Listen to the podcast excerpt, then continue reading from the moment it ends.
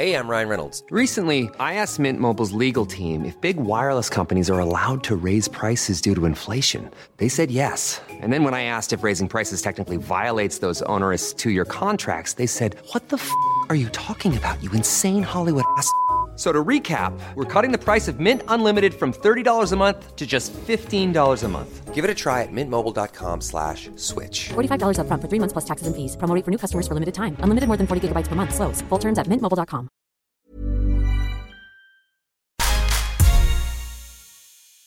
God morgon, god morgon. Det kanske är eftermiddag eller kväll när du lyssnar på vår podd.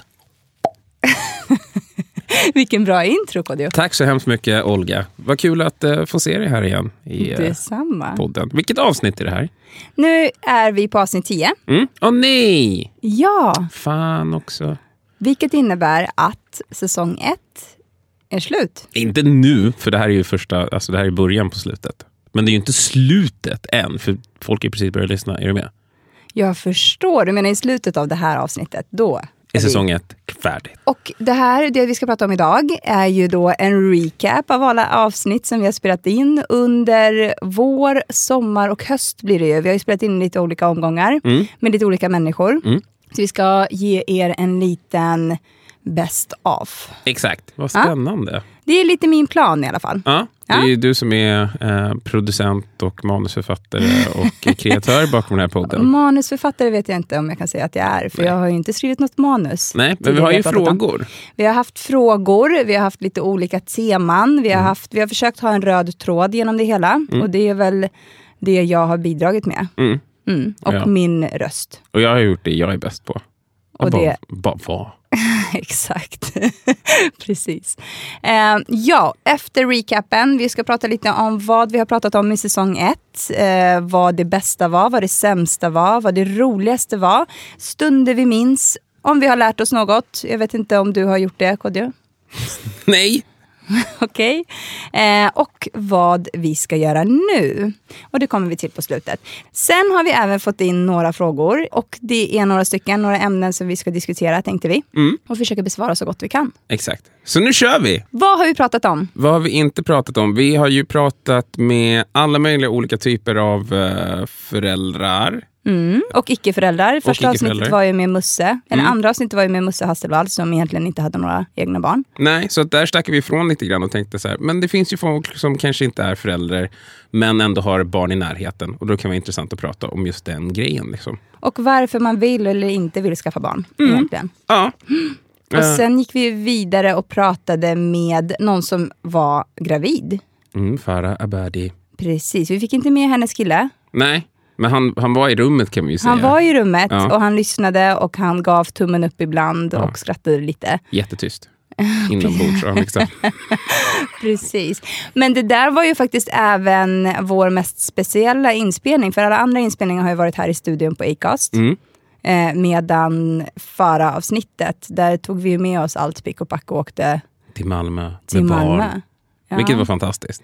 Egentligen, det var en jättehärlig minisemester för Ja, oss. tips hörni, om ni ska ut med barnen, åk tåg. Fast åk ett schysst tåg, så att säga. Det är nice. Precis, och våra barn åker ju inte tåg så ofta, så det är ju en happening i sig. Det var jättemysigt hela resan. Vi bad ju även om lite tips om vad man kunde göra i Malmö, så då gjorde vi det. Ja, alltså det var väl falafel som tydligen är grejen i Malmö. Så då gick vi och Precis. testade det. Var Ja. Okej. Nej, lite mer sås efterfrågade jag. I don't know, jag är kanske inte en sån här falafelkondensör. Och Men inte hur kanske som. ett fan av falafel heller. Nej, alltså det går att äta. Men hur som, så liksom åk ut och gör grejer tillsammans. Alltså nu är det i och för sig vintertid, så det är kanske många som åker på såna här skidresor och skit med sina barn. Men hitta på äventyr. Alltså, det är ju jobbigt, det kan man ju inte ljuga och säga. Men det är värt det! När Ja, man men väl har precis. gjort det. Som när vi var på, eller när jag var på Naturhistoriska med barnen i helgen. Mm. Mm, det var ju värt det efter eh, att det var slut. Ja. Så kände jag så här, men det här var värt det. Och, det, och diverse mutor hade inhandlats. Ja, exakt. Och det var lite kalabalik eh, i butiken där när Zion bestämde sig för att han ville ha en jättestor dinosaurie för Mm. 400 kronor. Vilket i min värld var en fortune för en leksak som han förmodligen inte skulle leka så mycket mer med efter den dagen. Leksaker överlag är... Det sjuka jag kan tycka nu när man själv är förälder är att jag minns hur otroligt... För när jag gick och handlade med min mamma. ehm, jag brukar alltid följa med min mamma när, när hon åkte och handlade. Och till denna dag så tror jag fortfarande att det är därför jag gillar att åka och storhandla. För det var någonting som bara hon och jag gjorde eh, tillsammans. Och så liksom, hur skulle man tänka på vet, att köpa de billigaste varorna och liksom hur man skulle få ihop ekonomin för att få ihop liksom mat i familjen. Men det som jag alltid gjorde när jag fick följa med henne då var att jag alltid hängde i leksaksavdelningen i såna här supermarknader. Och pillade på allt. Nej, nej, nej, nej, man får inte röra saker. Det lärde mig Okej. tidigt. Rör inte. Men man kan stå och kolla jävligt mycket. Och så här, du vet, så här, jag kunde stå framför ett paket typ med G.I. Joe eller Transformers or what have you. Och du vet, bara där så liksom kunde man säga oh no, Optimus Prime, oh, help me Bumblebee. Utan att röra någonting. För att mamma kunde ju dyka upp ibland för man är så mitt uppe i leken och då hade jag gjort misstaget av att ta loss grejer. Kodjo, it down! Kodjo! Kodjo! Så att det vill man undvika, för det förstör min illusion av min lek. Så då kunde jag bara stå framför och hålla på och leka med grejerna. Och ibland, någon gång, alltså så här, jag tror jag kan räkna på mina händer de gånger det faktiskt hände att jag fick liksom ha en leksak. Men då får, man liksom ha en taktik. Man fick ha liksom en, ett, en metodik i det. Liksom. Inte för tidigt in i handlingen, för att då är hon liksom sur. Utan när hon börjar, närma sig slutet. För då, och du fick inte lämna det utanför leksaksavdelningen heller. Det var en jätteviktig regel. Och då brukar, vi alltid, då brukar jag alltid stå så kunde man hitta liksom en grej. Så man börjar med någonting dyrt. Alltså, och dyrt för mig var desto fler siffror, desto mindre benägen är mamma att köpa det. Så att då kunde man hålla liksom någonting som man såg jättemånga siffror på. Och sen kunde man hålla upp ett paket tuggummi. Förstår du? Så att det Men är så här, ville du egentligen väldigt mycket ha tuggummi? Nej, fuck no, men jag ville ha någonting. Någonting Okej, måste och det man väl ändå kunna få med sig. Ja, ta Ja. någonting dyrt. Här är Optimus Prime. Den kostar jättemånga siffror. Eller ett paket Hubba Bubba. Och då Ja. kunde man få Hubba Bubban. Okej, i alla fall. Åtminstone. Ja, åtminstone. Och, det är så här, och nu när man själv har barn så ju, har ju jag blivit min mamma, märker jag ju på mig själv. Att så här, jag vill ju inte att våra ungar ska ha sjukt mycket grejer. För de leker med saker och ting en stund och så tröttnar de. Och jag kommer ihåg att min mamma brukar säga det till mig hela tiden. Hon bara, "'Cause you're just going to play with it for a while and then you're going to let it go. Man bara, nej, alltså jag kommer älska den här leksaken forever. Men så kände jag lite för den där dinosaurien. Och Zion har ju inte tagit efter din strategi där. Nej. Och titta på, han är i och för sig tre, så jag vet inte hur många siffror han ser framför sig när han ser siffror. Alltså inga siffror. Han, han, han har ju fattat Han konceptet av att saker och ting kan få dyra. Ja men exakt, och då sa jag ju så här, men den här dinosaurien är jättedyr. Men det sket han ju fullständigt. Han la ju sig ner på golvet och gjorde den här klassiska, du vet, la sig ner på golvet, det skrek, grät, så att jag skämdes Mm. faktiskt. Eh, men jag kände ändå att jag var ganska cool med det där.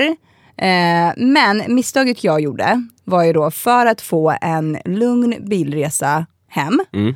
mm, så kände jag att när han har lugnat ner sig, då går jag och köper någonting ändå. Vilket jag kanske inte borde ha gjort som förälder. Ja, men man ska ju stå på sig. Har man sagt nej så har man sagt nej. Alltså, jag vet inte. Det är, väl, det är väl uh, to each his own, som man säger. Det är väl liksom... Men i alla fall, efter att han hade lugnat ner sig, vi hade torkat tårarna, snoret och allt det där, Mm. så gick vi i alla fall tillbaka till butiken och då fick han ju en dinosaurie som var mindre. En och inte stegosaurus. kostade Ex Stegosaurus. Nej, Stegosaurus. Okej. Ja. Fråga mig inte hur jag vet, jag vet. Så mycket lärde jag mig på Naturhistoriska. Nej, men jag lärde mig från en tv-serie som heter Dino Riders när jag var liten. Och då, ja, sak samma. Ja. Ja, men i alla fall så fick han den här jävla dinosaurien som han eh, lekte med i typ en dag ungefär. Nej, igår lekte han faktiskt med den. Ja. Den, den visade sig att det var en bad guy och Stålmannen skulle stoppa den från att äta upp alla Paw Patrol och grejer. Och, Ah. ja, så den, den är med. Den är med. Den är med i leken fortfarande. Men nu har vi eh, gått ifrån våran plan lite grann här. Vi ska ju prata om vad vi har pratat om Mm. i säsong ett. Inte vad som har hänt i helgen. Jo, Fast det kan vi också. det kan vara Vi bra. kan lite. Ja. lite personliga eh, anekdoter. Precis, och Farah-avsnittet, där hade vi ju eh, lite problem med tekniken. Vi köpte ju, vi ska ju säga det, vi köpte ju en utrustning innan vi började spela in, innan vi insåg att vi kunde spela in alla avsnitt i en studio med bra ljud och bra Mm. kvalitet på ljudet så. Så vi köpte ju, innan det så köpte vi eh, en hel uppsättning med saker och ting. De pengarna är borta. Exakt. Ja. Ja, eh, och det var ju mikrofoner och det var en sån här liten manick som man spelade. Och det kan vi ju konstatera att vi inte har haft så mycket användning för. Men man vet aldrig. Någon gång i framtiden? Ja, kanske Kanske. Det är ju bra att ha. De står, allt det här står fortfarande i påsar i kartongerna som det kom i. Men det är för att jag är väldigt sovrummet. noggrann med att saker och ting, jag är väldigt pedant med mina grejer. Ja, De ska ligga i saker och ting så att de är skyddade från alla andra som vill ha dem. Ja, och damm och sådana saker. Nej, inte damm, det skiter jag Nej, fullständigt i. okej. ja, men i alla fall ljudkvalitetsmässigt så var det nog inte vårt bästa avsnitt. Nej, men den här gången... Fick vi höra vilket- efteråt också. Mm. Ja, men den här gången, oj vilket ljud ni ska få. Eller hör, hoppas jag. Nu. Ja, det hoppas jag också. Li- Jobbar ni inom industri, lyssna på podden hemma. Just det, det är någon som har jobbat inom industri som har skrivit till oss Det här är inte en industrivänlig podd. Fast, ja. Nej, det är Vi vill det. ju att hon ska fortsätta lyssna. Fortsätt lyssna, gör det hemma. Säg åt alla, håll käften. Jag ska ta ett break på en halvtimme, 45 minuter. Meditera och så kan ni lyssna på oss. Det är ett Ja, tips eller när man alla. Mm. sitter på toan istället för att läsa den här tidningen. När man ska göra nummer två. Ja, fast kom ihåg att torka också så att det liksom inte torkar. Okej. Ja, där kom dagens tips från Mm, Där har ni med er. Eh, ja, efter Farah så gick vi vidare till, det har ju varit en röd tråd i podden, Mm. även om ni kanske inte har reflekterat så mycket över det. Så har du reflekterat sjukt mycket över det. Jag har ju reflekterat och jag har ju skrivit den här röda tråden och varje avsnitt har ju haft ett tema. Efter Farah, som var gravid, eh, gick vi, hon är ju fortfarande gravid, hon födde i november. Mm. Ja, så kanske har hon fött när den här podden sänds. Ehm, men i alla fall så gick vi vidare till att prata lite mer om vad man ska tänka på inför förlossning. Och sen avsnittet efter det så eh, tog vi upp faktiskt själva förlossningen. Och i alla avsnitt så har vi frågat våra gäster om hur deras förlossning gick till. Och när vi pratade om eh, inför förlossningen och även förlossningen så hade vi med Sofie Loftman som var vår barnmorska back in the day när vi var gravida med Zion. Mm, som vi gillade väldigt mycket. Och hon var ju väldigt, alltså hon var ju en trygg punkt då, kände jag. Och även genom den här poddresan så tycker jag ändå hennes, alltså hennes avsnitt har ju varit de mest informationspackade avsnitten. Som jag tyckte var väldigt, väldigt bra. Och genom allt det så har hon haft en sån lugn och trygg stämma. Som gör att i alla fall jag kände att jag skulle kunna föda ett till barn. Vilket du och har planer på att göra. Ja, ändå. Trots med eller utan Sofies råd. Det är väl också ett, ett avsnitt man kan tipsa om till nära och kära som kanske är på väg in. Om man känner att man har en massa frågor kring just så här, förlossning och graviditet från ett praktiskt perspektiv så är det Sofies avsnitt som vi kan... Hänvisa till. ja, För det har ju varit precis, där har vi tagit upp allt som har med liksom, inför och efter Mm. eh, att göra. Eh, vi pratade ju även lite amning och lite såna här heta potatisar. mm, som man kanske inte känner till om man inte har barn. Nej, Så att, eh, ja, men lyssna på den om ni vill ha mer köttig info. Annars har vi bara valt folk som har samma livsinställning eh, som vi har. ungefär precis. Skitsamma, det är bra, det löser sig. Ja, efter Sofie då hade vi ju, eh, de var ju nyblivna föräldrar då, när vi gjorde det avsnittet. Eh, men det sändes ju nu i höst, så hon hade ju hunnit bli några månader äldre. Så de var inte så nyblivna längre. Men Michelle, och, Michelle Kadir och Simon Emanuel hade vi med. Och de pratade ju om den första tiden med en bebis och hur livet förändras. Eller inte förändras. Det är lite vad man gör det till, helt enkelt. Ja, och hur de har fått det att funka och hur familjesituation ser ut. Och. Mm, och det mest minnesvärda från det avsnittet kommer jag ihåg ett citat som jag tror att Simon sa. Varför har man gått runt och haft tråkigt i 30 år? Alla de här som säger livet förändras, ingenting spelar någon som helst roll när man väl får barn. Och det är ju inte helt sant. Eller så kanske det är det för er, men det är inte våran sanning. Exakt så är det inte för alla. Exakt. Och sen efter Michelle och Simon, vilka hade vi då? Har ingen aning. Har du inte? Nej, jag har inte koll på någonting. Var det Emma? Mm, Emma Knyckare hade vi i Milstolpe-avsnittet. Och hon var ju sjukt rolig. Mm, helt oväntat från en komiker. Nej, men det jag tyckte om Emma var att det var väldigt ärligt och så här, att återigen så handlar det liksom om att jag tror att om det är någonting också som har varit så väldigt förekommande är det ju att varenda upplevelse utav den här grejen som vi kall- kallar föräldraskap är unik. Liksom, att det inte går att säga att om en, jag upplevde det så här och därför kommer du uppleva det så här. Utan att allas berättelser har varit annorlunda. Och där Emmas var ju väldigt unik, och väldigt rolig. Precis, hon pratade ju mycket om kejsarsnittet som hon gjorde. Och det, alltså det som har varit mest förvånande tycker jag ändå, är det att många av våra gäster, nästan alla, nu är ju Farah fortfarande gravid, men de andra har ju förlösts med kejsarsnitt. Mm, många men inte alla. Inte alla, men många. precis. Och det var ju någonting som vi fick prata, eller vi pratade väldigt mycket om.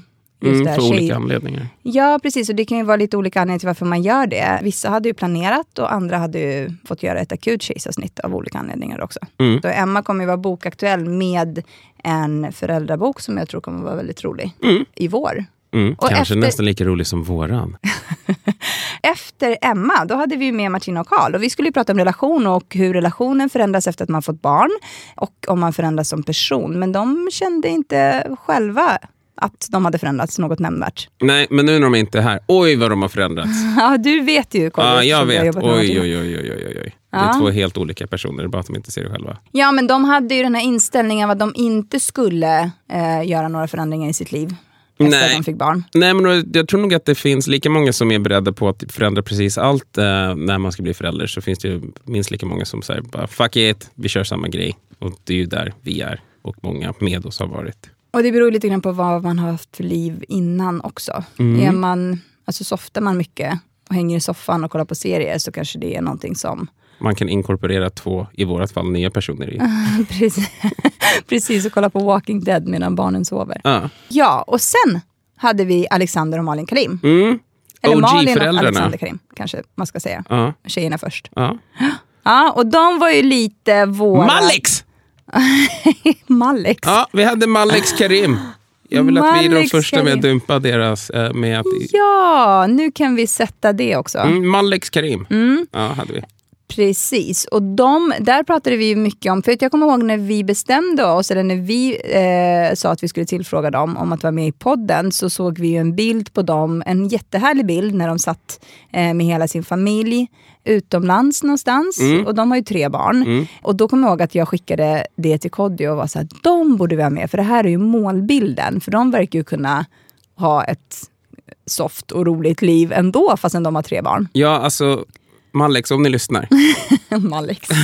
så tänkte jag i alla fall att åh, de här två, det är oss som typ tio år. Oj, Kodjo. Nu ska inte man age-shamea folk här. Jag skulle aldrig age-shamea någon. Det är ju en hyllning. Om tio år så kommer vi vara dem. Fast de är ju inte tio år äldre än vi. Okej, kanske fem då. Ja. Exakt, fem. Halvera det. Ja. Ja, men de var ju målbilden. Vi pratade ju lite om vad som hände sen egentligen. Om de lever det drömliv som de trodde att de skulle göra. Mm. Och hur det är med tre barn, varav två, vad är det, två tredjedelar var kolikbarn och liksom hur man tar sig igenom det. Precis. Ja.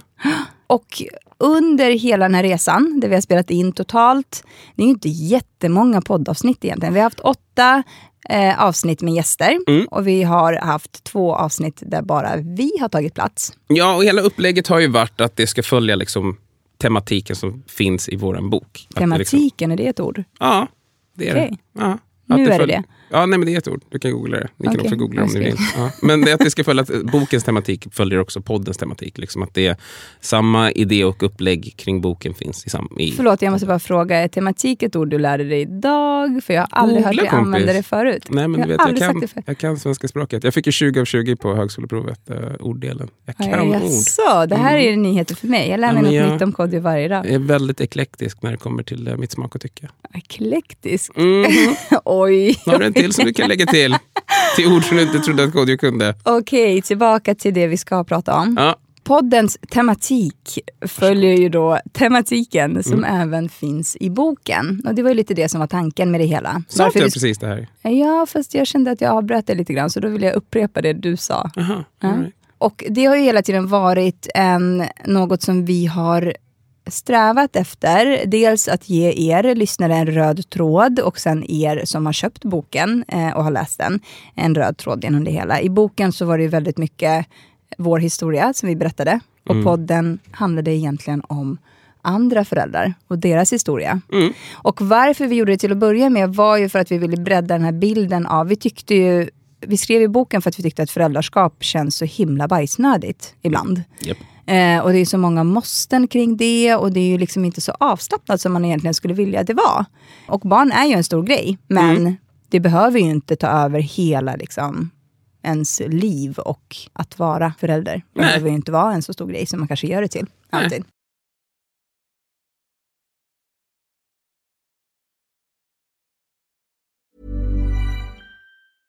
Hey, I'm Ryan Reynolds. At Mint Mobile, we like to do the opposite of what Big Wireless does. They charge you a lot, we charge you a little. So naturally, when they announced they'd be raising their prices due to inflation, we decided to deflate our prices due to not hating you.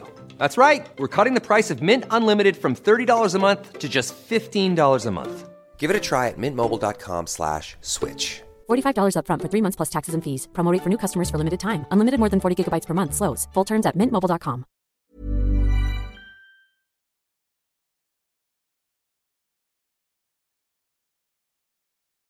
Nu har vi kommit till eh, nästan slutet av den här säsongen. Ja, men, Och om du skulle konkretisera då, Kodjo. Vad var det bästa med att spela in den här podden? det bästa tycker jag med hela vår eh, poddserie har varit, hoppas jag då, att folk blir lite lugnare inför eh, att bli förälder.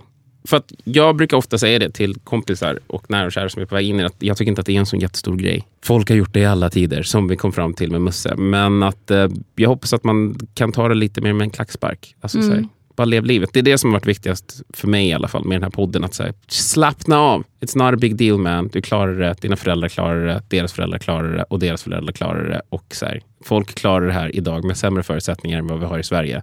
Så att eh, liksom, det kommer gå bra. Och det är det som jag hoppas att folk får med sig. Precis, och jag tror att jag skulle säga detsamma där. Att det bästa har ju varit att höra andra människors eller andra föräldrars perspektiv på det hela. Och se att man inte är ensam i det här med att man egentligen kanske inte alltid har 100% koll på läget, men att det är okej att vi alla gör vårt bästa ändå. Och det vi har sagt det hela tiden och vi säger det igen. Vi har varit väldigt noggranna med vilka vi har valt ut. Så att eh, det går i linje med våran tes. Precis, och vad var det sämsta skulle du säga Kodjo? Ljudet på vissa avsnitt, jag är väldigt kritisk till det. Jag tycker liksom att eh, man ska kunna höra vad folk säger och jag tycker inte att det är okej att det har fallerat. Men eh, jag gillar Kodjo och Olga och jag, jag fortsatt ge dem en chans. Ja, schysst Kodjo. Ja, men sån är jag. Eh, jag skulle nog säga samma sak där också. Jag tycker att det, har ju, det bästa har ju varit att jag har ju klippt och fixat och donat med alla avsnitt själv. Mm, som fan. Och jag är ju väldigt pedant och noggrann av mig. Mm. Eh, och jag har faktiskt tyckt att det har varit jätteroligt att lära sig det. Mm. Eh, att klipp, klippa podd. Och nu gör det like a motherfucking boss. Ja, och nu går det väldigt snabbt och nu går det väldigt, alltså nu är det rätt enkelt kände jag igår. Jag gjorde det på en halvtimme Mm. eh, ungefär. Är det resten av tiden? Eh, Satt på Facebook, checkade vad som hände på Instagram you know. Precis, jag kanske överdriver. Det kanske tog en timme. Då. Eh, och lyssna igenom allt och klippa in saker och ting. Men det sämsta har nog då varit, och det känner jag att jag har haft lite ångest för, i och med att jag är så himla pedant som jag är, att ljudet kanske inte har varit helt hundra eh, i alla avsnitt. Vi har även lärt oss att gästerna eh, borde ha suttit lite närmare mikrofonen. Nu så här i efterhand kan man ju reflektera över det. Eh, så vissa avsnitt eh, var ju inte helt hundraprocentiga. Eh, Förra-avsnittet spelade vi in, dessutom in med vår egna utrustning. Eh, den enda gången vi faktiskt använde den.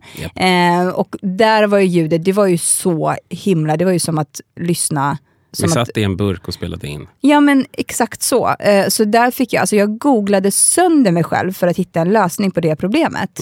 Och det jag lärde mig där var ju att dåligt ljud in blir dåligt ljud ut. Japp. Men på något sätt så tror jag ändå att jag lyckades fixa det. Så jag har ju lärt mig väldigt mycket, men det sämsta har nog varit den här uppförsbacken i eh, ljudkvalitet och poddklipp och liksom allt Men vi det. har blivit bättre. Slash Nej, vi du. har blivit bättre. Jag har blivit bättre, precis. Vad var det roligaste då, Kodjo? Det har jag redan sagt. Nej, du pratade om det bästa. Vad var det roligaste? Eh, Finns det några stunder som du minns extra väl? ja, men jag tycker det har varit roligt. Alltså, vi har ju skrattat med alla gäster. Så att jag vill inte välja ut någon. Jag vill inte peka ut någon mer än någon annan. Jag tycker att alla har varit roliga på sitt sätt. Sån är jag. Inskolad i public service och att det är allas lika värde. Ja, men vad har varit det roligaste med att spela in podden då? Det roligaste med att spela in podden har nog också varit det som jag tyckte var roligast med att spela in podden. Åh, mitt ro, det roligaste för mig med att spela in den här podden har ju varit att spela in den med dig Kodjo. Ja, älskling. Det roligaste med att spela in den här podden har varit att spela in den här podden med dig. Ah, okej. så Det är jag som slängde blickar åt dig här från andra sidan Ja. inspelningen. Ja. Och har vi lärt oss något? Har du lärt dig något? Jag har lärt mig hur man klipper podd och hur man producerar en podd. Så Jag det tyckte jag var väldigt värdefullt. Ja, Vad har du lärt dig? Jag har nog inte lärt mig någonting Okej. alls. Nej, men jag tycker det har bara varit roligt att ha samtal med folk. Det är väl det som har varit grejen. Det, det, det här brukar jag ju göra, så att det har inte varit en big stretch för mig att Nej, sitta och snacka med just folk. det, det är sant. Kodjo är en veteran vad gäller att prata med människor. Mm, prata med människor kan jag. I en Ja. studio, i under kontrollerade former. Privat, not so much. Ja, du är ganska... Osoft. Nej, det är det inte. Ja, och då kommer vi till frågedelen i podden. Eh, vi har ju fått in lite frågor. Jag efterlyste ju några frågor både på Facebook-sidan och på min Instagram. Och vi fick faktiskt in eh, en del frågor och en del ämnen som jag tänkte att vi skulle diskutera här. För det här är ju trots allt ett frågepoddsavsnitt. Japp. Och då kan vi börja med fråga ett som vi fick in. Hur orkar man göra karriär och samtidigt komma hem till ett heltidsjobb? Det känns väl rättvisare att du egentligen svarar på den här frågan. För att Hur jag, orkar du Kodjo? alltså jag jobbar ju inte så jättemycket. Eller för mig går det i perioder. Okej. Jag kan ha en intensiv period och då blir det inte så jättemycket föräldraskap. Eh, Men det är ju verkligen inte så ofta det händer. Jag tror folk har en uppfattning av att, man kan, eller av att jag kanske jobbar mer och gör fler saker än vad jag egentligen gör. Men um, oftast om det är en lugn period så har jag jättemycket tid över till att vara förälder. Så att för mig är inte det någon jättesvår balansgång att hitta. Det Men att det kan- kommer ju en period nu till exempel. Nu är vi ju i, vad blir det, november när det här sänds.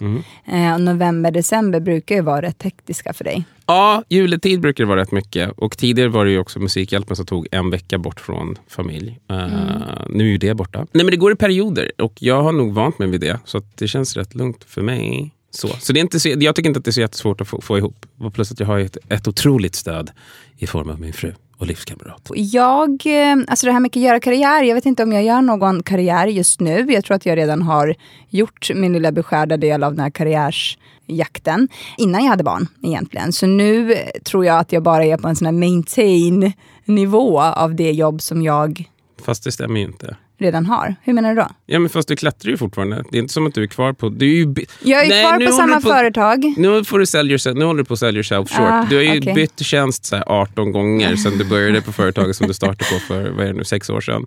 Men du har ju jobbat dig uppåt hela tiden och det fortsätter du göra. Så att jag tror att säga så här att du bara håller på att maintaina stämmer inte. Mm. Utan du jobbar ju fortfarande uppåt. Sen kanske det inte är ett så här, oh, jag ska ta mig till nästa nivå, för fan nu ska jag sälja shit och göra grejer. Men att du fortsätter ju fortfarande ta dig uppåt och framåt. Ja, om vi backar bandet lite grann. Jag jobbar ju då på ett ganska stort eh, amerikanskt IT-bolag eh, som jag har gjort de senaste sju åren egentligen. Och det som jag menar då med att jag maintainer är ju egentligen att jag är kvar på samma företag. Det som är bekvämt med att vara kvar på samma företag som man var innan man fick barn, skulle jag säga då, det är att man känner sig bekväm med de människorna och det de arbetsuppgifterna man egentligen har. Eh, sen har ju jag, som Kodjo säger, då, eh, klättrat ett par steg eh, och haft lite olika positioner och tjänster eh, på det företaget. Det som jag skulle säga eh, var Eh, alltså den kombinationen av saker och ting som jag gör nu tycker jag är väldigt, alltså den är egentligen hundraprocentig. Sen beror det ju på jättemycket hur man är som person. Jag är ju din totala motsats vad gäller att vilja göra saker. Jag vill ju göra jättemycket och ibland tar det ju över. Som till exempel idag kan jag berätta lite om idag. Jag eh, springer ju vanligtvis på rätt mycket möten eh, under veckodagarna. Och den här, eh, det här avsnittet spelas ju då in under min lunch egentligen. Så jag var på ett möte i morse och sen åkte jag in hit till studion och ska, ska, spela in den här, det här avsnittet. Och sen åker jag tillbaka till kontoret för att ha ett par möten till. Och sen eh, gör jag lite saker och ting vid sidan om och sådär. Och sen ikväll kanske jag ska mejla lite vad gäller boken och hålla på med podden och marknadsföra lite olika saker. Så jag tycker att den, liksom, att kunna hitta den här balansen i att göra både och. Både det som man egentligen tjänar pengar på, vilket är ett jobb, eh, och det som man kanske i dagsläget inte tjänar sig jättemycket, eller inga pengar alls egentligen. Men däremot så är det ju någonting som jag tycker är väldigt roligt eh, att göra. Och den kombinationen tycker jag eh, passar mig väldigt bra. Och som sagt, jag gillar att göra mycket och jag gillar ju när det är liksom fart och springa och så. Det som har varit utmanande, eh, det var ju utmanande att gå på föräldraledighet när jag först gjorde det, alltså gå på mammaledighet, för att det gick från 100 till noll. Och jag gillade inte alls den här första tiden med en bebis. Det som, och sen kom jag ju tillbaka eh, till jobbet. I ett egentligen. halvår. I ett halvår, precis. Så jag gjorde ett inspel där ett halvår. Jag var gravid när jag gick på... Eh, jag var gravid när jag bytte tjänst. Jobbade i min nya tjänst, i min nya roll, ett halvår. Gick på mammaledighet. Där det var väldigt, väldigt lugnt. Sen upptäckte vi att jag var gravid igen. Precis, strax, ja, men strax innan jag skulle börja jobba, så två veckor efter att vi upptäckte att jag var gravid så började jag jobba igen. Och då var jag tillbaks ett halvår och sen gick jag på mammaledighet igen. Och då kände jag så här, nej, jag vill eh, göra lite andra saker. Ja, och det som jag tycker är kul. Så att komma tillbaka till jobbet den här gången eh, har ju varit väldigt... Eh, ja, och hitta en, jag tror att jag fortfarande håller på att leta efter den här balansen. Som sagt så gillar jag att göra mycket och när det är mycket som händer. Men det här med att liksom ha två barn, komma iväg på morgnarna, lämna på förskolan de morgnar som Kodjo inte är hemma. Eh, för du, ibland så har du ju morgonpasset. Mm. Eh, som du kör. Eh, och göra hela den alltså, lämna nu när det är höst och snart kommer vintern och bara du vet, så man tror att man har lämnat och man tror att man är klar. Fast det är man inte för man ska ju på med de här galonisarna för de ska ju vara ute i ur och skur. Jag funderar på om vi ska ta hem galonisarna. Ja, kanske tvätta dem eller? Nej, bara slänga på dem när de är hemma och sen Ja, dumpar man dem du direkt tänker upp. så. Ja. Liten parentes. Ja, för men det är oss ju mest. fortfarande ytterligare ett moment som man måste klara av på morgonen. Mm. Mm. Så hela den grejen, att liksom lämna och sen åka till möten och sen göra det här. Och sen liksom, nu försöker jag också inkorporera träning tillbaka eh, på något sätt i mitt liv. Så försöker se ifall jag skulle kunna hinna med att träna på luncherna ibland också, eller efter jobbet. Eh, men oftast är det ju du som hämtar. Ja, Mm. det är min grej. Och hur ser kvällarna ut då? Då lägger vi barnen och sen ibland gör jag lite saker och ting vid sidan om, skriver lite, eller klipper lite podd och sådär. Och Kodjo, och kanske spela.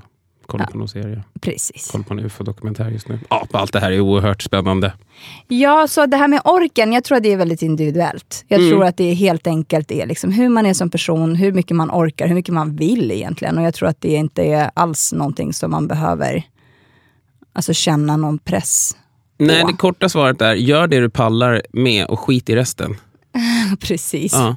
Sen finns det ju väldigt mycket, jag måste säga som kvinna under det första året med ett barn, så alltså de mammor som jag har pratat med, många känner ju lite så här, vad vill jag göra med mitt liv egentligen? Vad skulle jag göra? Vad skulle jag välja att göra om jag fick välja att göra vad som helst? Eh, så för min del har det ju varit, liksom, jag har ju alltid velat skriva, så för min del var det ju att gå den här skrivkursen som jag kanske inte visste om att jag ville gå, men som jag Just upptäckte att det. jag ville gå när jag var mammaledig. Och det var ju, alltså den upptäckten, jag älskade ju de där kvällarna. Jag med! Det var varje måndag mellan sex och nio så var jag på skrivkurs i två, tre månader. Mm. Så hängde jag ungefär. med Zion. Mm, och det gjorde jag i två omgångar. Mm. Sen hängde du med Zion och Zoe. Just det. Ja, hon hann ju födas eh, Ja. andra omgången. ja, vi hade det så jävla mysigt. Ja, men så det var ju lite så ja, jag vet inte, nu ska inte jag hålla på och slänga tips omkring mig. Som sagt, det är upp till var och en. Men en sak som jag känner, så här, det som har varit väldigt värdefullt för mig, det är att ta tillvara på den tiden eh, som man har när man är mammaledig. Om man nu känner att man har tid. Vissa tycker att det är jättestressigt att vara mammaledig och det är jättemycket som man måste göra. Eh, men känner man att man är lite rastlös, som jag, eh, så finns det ju jättemycket som man skulle kunna göra. Det finns fotokurser, det finns skrivkurser, det finns språkkurser, det finns allt möjligt som man även kan ta på distans. Ja, och har du Eh. förmånen av att eh, ha en partner i ditt föräldraskap, utnyttja den partnern. Exakt. Ge dem lite bonding time. Ja, låt Mm. dem överleva själva. De överlever ju på ett eller annat sätt. Precis, så det var det långa svaret på den frågan. Mm. Men det korta svaret är, gör det du känner att du orkar och det du vill. Mm. Mm, egentligen. Fråga nummer två då. Eh, var det läskigt att bli förälder? Nej. um, nej, jag tycker nog kanske inte det. Jag tror nog bara att det var det enda som jag tyckte var konstigt med den här första perioden var att det alltid var någon där. Alltså att man alltid hade det här barnet med sig. Um, I och med att jag inte jobbar så jättemycket när jag väl jobbar i perioder så brukar jag oftast ha mina dagar för mig själv. Liksom. Uh, väldigt mycket egen tid medan du var och jobbade 9 to 5. Uh, och för mig blev det lite weird när du var hemma hela tiden med Zion. Att, här, Det var nog den stora omställningen. att så här, komma hem Mm. jag och var där. Ja, att ni var där och bara hej, här är ni. Men överlag så nej, jag tyckte nog inte, återigen, alltså jag nog inte tyckt att det var så här, "Oh, shit vad stort, nu är det liksom Mm. så. Utan det var snarare bara, det var lite konstigt att det var någon hemma när jag kom hem. Mm. Det var nog det enda. Men skulle du säga att du var redo att bli förälder? När Man du väl är- blev förälder? Nej men man är nog aldrig redo. Jag tänker på liksom föräldraskapet som den där gången som man hoppade från trean, eller femman eller tian. Liksom. Att så här, att bara kasta sig ut och när du väl är i luften då är det bara att vänta tills du landar. Liksom. I det här fallet kanske det tar 18 år, men förr eller senare så landar du. Liksom. Eh, och Det är väldigt mycket den inställningen jag har till allt som jag gör. Jag tror att det har blivit min överlevnadsmekanism i mitt yrkesval i livet. Att så här, man får kasta sig ut. Man bara får kasta sig ut. Och det är det jag har gjort med allt jag har, gör i en professionell aspekt och i en privat aspekt så blir det också att så man bara kastar sig ut. Att, så Mm. här, nu är du förälder, all right, så kastar mig bara ut och så får man väl vänta tills man landar. Men hinner du stanna upp och reflektera över det när Jag du väl kastar dig ut? Jag Nej, du gör inte. sånt. Men skulle Nej. du vilja göra sånt mer? Mm, nej. Alltså den, enda, den enda gången, det enda som jag reflekterar över det är saker som, alltså om jag har varit uppträtt, om jag har kört stand-up, då kan jag liksom, brukar jag väldigt ofta så reflektera och tänka igenom så här, men vad, hur och liksom på vilket sätt kan man putsa och trimma och hur funkar den här grejen. Men föräldraskapet är ju fortfarande ett, det är ett pågående fall. Man Mm. är fortfarande i luften. Så där, Men kan du stanna upp? För jag kan känna så ibland som jag till exempel nu när, på Naturhistoriska dagen när jag, när jag ändå gick tillbaka och köpte den där mindre dinosaurien till Zion, att jag kan reflektera över det efteråt. Alltså, gjorde jag verkligen rätt här? Jag kanske borde ha stått på mig, sagt nej och låtit honom lära sig utav det. Att liksom, vill man ha någonting och skriker och gråter så är inte det sättet att få någonting. För nu fick han ju någonting ändå. Kan du känna så ibland att du kan reflektera över saker och ting som du kanske borde ha gjort annorlunda i efterhand? Mm, nej, jag säger alltid nej. så står jag på mig. Men jag tror nog att alltså just vad gäller dem så, så här, jag tror det enda som jag börjat göra mer nu, nu på senare tid, um, är att jag faktiskt tar mig tid att kolla på dem. Jag tar mig tid att bara sätta, så här, om vi själva, om liksom jag har hämtat från dagis och så kommer vi hem och så har vi bytt om till pyjamas och alltihopa. Så brukar jag ta mig tid att bara sitta och kolla på dem. När de gör sina grejer, liksom, när de håller på och leker, när Zoe springer runt och klättrar på saker. I och för sig då handlar det om att plocka bort henne från saker och ting så att hon inte ramlar ner och slår ihjäl sig. Men att eh, det jag börjat göra nyligen det är att jag tar mig tid att faktiskt bara kolla på barnen och liksom se dem. Ja, du säger det lite sporadiskt. Bra jobbat, Olga Scholor. Mm. När du tittar på dem. Mm. Inte när du inte är där, för that would be weird. men men när, när det bara är vi tre, då, kan jag, liksom, då tar jag mig tid att bara kolla på dem. Alltså jag bara ta in så här, att det håller på, de, de håller på händer. Mm. De håller på händer just nu. Och jag tror att det är för mig en sån grej som det är väldigt lätt att fastna i det här liksom ekorrhjulet av att så här, all right, men man kommer hem, byter om och sen börjar fundera på vad man ska göra för mat och sen börjar fixa maten. Nej, så klättrar ner. Nej, så ger tillbaka hennes leksak och sen fortsätter, fortsätter, fortsätter. Shit, okej, Olga är hemma. Okej, ah, shit, ah, kan jag ta barnen? Ja, men det är klart jag tar barnen. Och sen ah, fixa tvätt och Men att nu så, så här, försöker jag alltid ta en stund när vi är tillsammans och bara titta på dem och så här, se dem. Och bara så här, ja men de gör sin grej och här får jag stå och vara någon form av weird David Attenborough. Som Vem studerar med, ja, men han som säger the giraffe is a graceful animal. It likes to eat leaves. Så sitter jag och kollar på mina barn. Zion is not a graceful animal. But he likes to play with Superman and the Stegosaurus. Zoe likes to... Get down Zoe! No! Zoe! Get down! You're going to kill yourself! Zoe! Damn you! Jag skulle säga att jag tyckte, jag har alltid tyckt att det, var en, att det är en stor grej att ha barn. Att liksom, jag har ju alltid sett det framför mig på något sätt att så här, när man väl, alltså det här med att bli vuxen har nog skrämt mig. Det här med liksom när man väl, eh, och det är nog det som gör att jag inte heller vill ha det här du vet, fasta boendet eller hus på, i Spanien. Eller det är någonting som binder fast en. Jag har ju alltid känt att jag har varit lite av en fri själ. Att jag skulle vilja ha möjligheten att typ flytta till Australien och börja surfa om jag nu skulle vilja det. Ehm, och så det här med barn var ju väldigt läskigt för mig och jag, jag ville ju egentligen inte ha barn. Just av den anledningen. Eh, att jag inte ville liksom binda upp mig vid något. Men sen måste jag säga att du har ju varit en sån himla trygg punkt i det KDO. För att jag tror definitivt att, jag, att det här skulle varit eh, en helt annan grej utan dig, såklart. Eh, men, men att det är liksom, vi balanserar varandra väldigt bra i det. Du är ju den här lugna rösten som eh, lugnar alla mina rädslor Fast- och farhågor. där kompletterar vi ju varandra väldigt bra, måste jag säga. Om det ska vara någon form av klubb av egen beundran. Men att vi... Okej. ja, men jag, tror, nej, men jag tror så här, en av våra, tycker jag, eh, hemligheter eller nycklar till att vi har lyckats är att vi har slutat försöka förändra beteenden hos varandra. Ut, Och bara liksom så här, men det här är din styrka, så gör du det. Och det här är min styrka, så gör jag det. Och där vi är svaga så kompletterar man upp och matchar varandra. Liksom. Och ibland klaga på det. Ja, att Du kan klaga på att jag inte byter på sig i soptunnan. Ja, och du gör det fel. Jag förstår verkligen inte hur du kan lyckas göra så, så fel efter tre år av blöjpåse. Och sen står du och övervakar mig när jag står och diskar också. Ja, för du använder fel sida. Hur gör man ens Ja, och det? jag stör mig på att du är stökig och Ja. jag får plocka upp efter dig hela Varför tiden. torkar du inte av bordet för? Jag har torkat typ. Exakt, men vi kompletterar varandra och vi, har, vi har slutat försöka förändra varandra. Ja, man får bara acceptera att så här, vissa saker kommer en människa aldrig klara av. Och då är det bara att hacka i sig och fixa det själv. Och jag insåg nog också det här med att man aldrig kan bli riktigt redo och bli förälder och att man får ta saker och ting allt eftersom. Och att jag lär mig fortfarande. Det är ju som sagt, alltså jag, gör ju, jag reflekterar ju väldigt mycket ibland över mitt föräldraskap och hur jag är som mamma. Eh, och det senaste var ju då nu på Naturhistoriska. Men samtidigt så känner jag så här, om man ser till liksom, att minska stressen av att hela tiden göra rätt och hela tiden vara perfekt, så tror jag också att saker och ting blir mycket enklare då. Och det tror jag att jag har lärt mig av dig Kodjo. Mm. Eh, och det här med liksom beslutet, mitt beslut att gå tillbaka till affären och köpa den andra dinosaurien till honom, det var ju för att jag ville ha lugn och ro efter en redan stressig dag på Naturhistoriska där mina barn sprang. Det ena åt ett håll, det andra åt ett annat håll. Och min kompis som hade sitt barn med sig, hennes dotter var ju perfektion. Alltså mm. hon var ju verkligen så här superlugn, superväluppfostrad och mina barn var bara kaos. Eh, så du vet, och bara lugna, eh, inte lugna, men att liksom bara ha lite peace of mind i bilen, ha glada, nöjda ungar som åkte hem med varsin liten dinosaurie som de i slutändan kanske inte kommer att leka med så himla mycket. Och jag blev 200 kronor fattigare, men så tänkte jag så här, äh, besöket på Naturhistoriska var ändå gratis. Mm. Så win-win for mm. everyone. Och sen hade vi en fin dag efter det. Mm. Ja, så man lär sig allt eftersom. Men jag tyckte det var läskigt att bli förälder.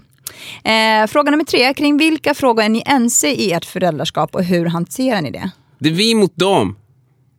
Precis. Ja, vi hanterar det genom att alltid gadda ihop oss mot våra barn. Ja, och sen har inte jag upplevt att vi har bråkat så himla mycket om saker och ting som vi har tyckt olika. Alltså vad gäller så... barnuppfostran? Nej, det är mest presentfrågor som kan bli vårt ah, som jag, Precis, jag skämmer ju bort dem. Ah, och ja. jag vill sätta bromsen. Precis. Ah. Men sen ibland så skämmer du ju också bort dem. Du skämmer ju bort dem med godis å andra sidan. Du stoppar ju en choklad i munnen på dem typ, så fort jag vänder ryggen till. Jag tycker inte att barn ska äta socker.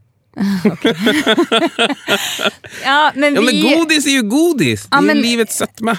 Sammanfattningsvis så är vi nog ense i alla frågor kring vårt föräldraskap. Det mesta. Tror jag. Ah, jag tror inte, vi har inte upplevt, precis, vi har inte upplevt några liksom, diskrepanser däremellan. Oj, oj, oj, oj, oj, oj, där kom ett stort ord från mig också. Varsågod och skriv ner. Fråga nummer fyra. Finns det, och det här är nog den frågan som är liksom störst bland de här frågorna mm. egentligen. Eh, Finns det en oro för hur rasism och vithetsnorm kan komma att påverka era barn? Och i så fall, finns det strategier för att rusta dem för det? Inte just nu har jag ingen strategi. Samtidigt så kan jag tycka, så här, du vet, ibland, kommer du ihåg när vi kollade på en, antingen kollade vi på en film, jag kommer inte riktigt ihåg vad scenariot var kring det hela, men så sa du ju så här, fan vad coolt att hon är svart, den här superhjälten. Eller fan vad coolt att det är en svart tjej som är med.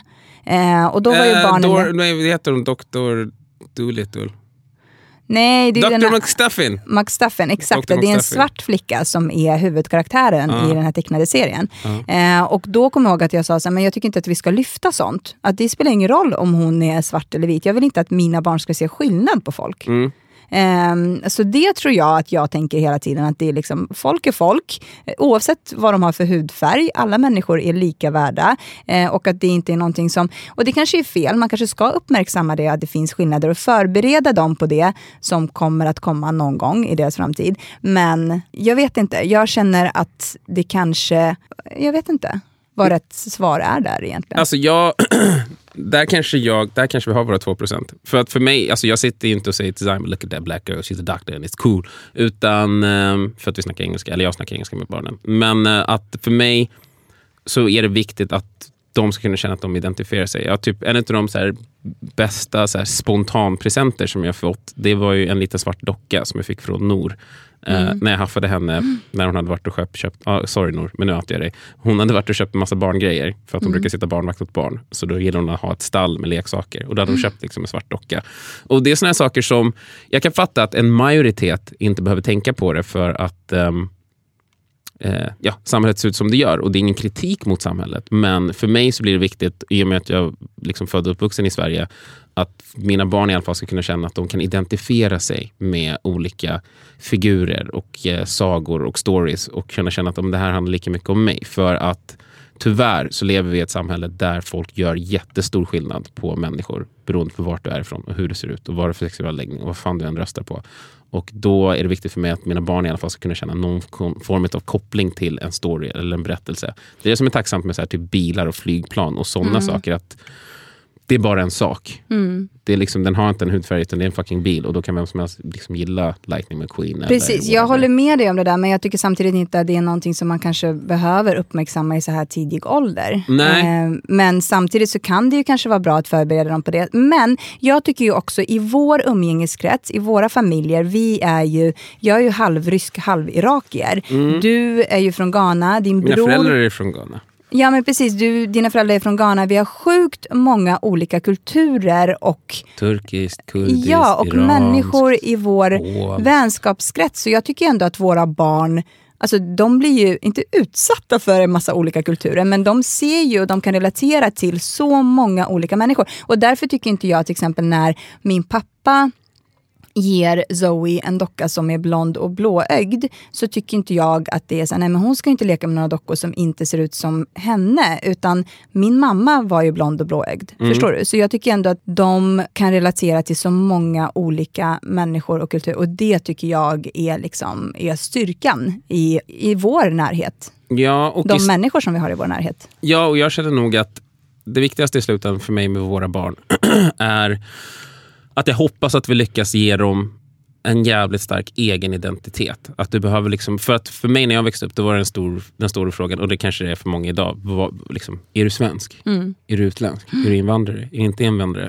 att så här, någonstans kunna landa i att så här, men du är du. Du behöver inte vara någonting annat än dig själv. Det räcker liksom, gott och väl. Och det är det jag hoppas att de får med sig. Sista frågan. Små barn, små problem. Stora barn, stora problem sägs det. Vad ser ni fram emot eller bävar för i tonåren? Jag ser fram emot att de kan klä på sig själva Äta och själva. äta själva. Det är det jag ser mest fram emot. Lite Faktiskt. Mm. fucking independent, klara av saker själva. Det ser jag fram emot. Jag ser fram emot att de bara går och väljer sina egna kläder. Det ser jag fram emot Vad bävar du inför då? Att sitta uppe, eller för sig, jag bävar inför det men jag är också lite supertaggad på det. Att sitta nedsläckt i vardagsrummet och sen öppnas dörren och då klick tänder jag. Aha motherfucker! Varför går jag hemma så sent för? Och sådana grejer. Ja, det, är en- det, det är det jag är Ah. Och orolig att Zoe för. börjar ta hem killar, eller att Zion börjar ta hem tjejer. Ingen ska ta hem någon. Okej. Verkar Men då vet vi inte vart de är, när de gör grejer. Jo, men de kan vara hemma hos oss utan någon. Med öppen dörr. Du vet den där. Ja, ja, ja. Umgås. Men dörren ska vara De får öppen. aldrig gå ut. Ja, ni behöver inte ha dörren stängd. Ni kan ha dörren öppen allihopa. Jag ser fram emot de personer som de kommer bli. Jag ser fram emot hur vår relation kommer utvecklas. Jag ser fram emot livet och framtiden och vår familj. Eh, Jag vill ju addera fler människor till den här familjen. Jag tycker att vi har något underbart på gång faktiskt. Vår gemenskap, vår familj, det är vår styrka, det är min trygga plats och det är det bästa som finns i mitt liv och det är det bästa som har hänt mig. Så jag ser verkligen fram emot att bli 70 år gammal när de här barnen kommer med sina barn. Jag ser i alla fall fram emot framtiden, hur vår relation kommer utvecklas och hur, vart vår familj kommer vara om 10 år. Eh, det jag bävar inför det är ju det här, du vet, konflikterna som kommer i tonåren. Zoe, eh, om hon är ute och ränner någonstans, jag var ju tonåring själv, jag var ju lite vild. Eh, ser, ja, inte så mycket fram emot det. Ser inte fram emot att Zion kommer vara ute på kvällarna och att jag liksom inte riktigt har kontroll över vad han gör eller vem han är med. Eller, ja, Men jag kommer sitta där i mörkret med dig älskling. vad bra. Vi kan sitta i mörkret och hålla hand. Mm, och vara arga, tagga varandra. I, I utskällningen. bara, Okej, jag säger det här och sen skriker du, men sen skriker jag. Ja. Sista frågan och den viktigaste frågan. Vad ska vi göra nu? Ja, jag ehm, är klar. Du är klar med den här podden. Jag är klar med den här podden. Är du verkligen det? Ja, ja jag tror nog det. Men du kommer nog göra något inspel någon gång. Jag kommer nog göra något inspel, men eh, min, min delaktighet i det här kommer inte vara lika ständig. Jag förstår. Kommer det bli en säsong två av podden? Det kommer bli en säsong två av podden. Ska vi lämna det där som en liten teaser? Så får man se hur och var det utvecklar sig. Jag tycker att vi gör det. Mm. Det kommer bli en säsong två. Japp. Mer än så säger vi inte. Men tack för den här gången hörni och kom ihåg att eh, dela med er av podden till era vänner och kompisar och nära och kära. Precis, för den kommer ju leva kvar där ute. Ja. Ja. Och det finns en bok vi har skrivit också. Jaha, Köp boken. Tack för oss. Hej då!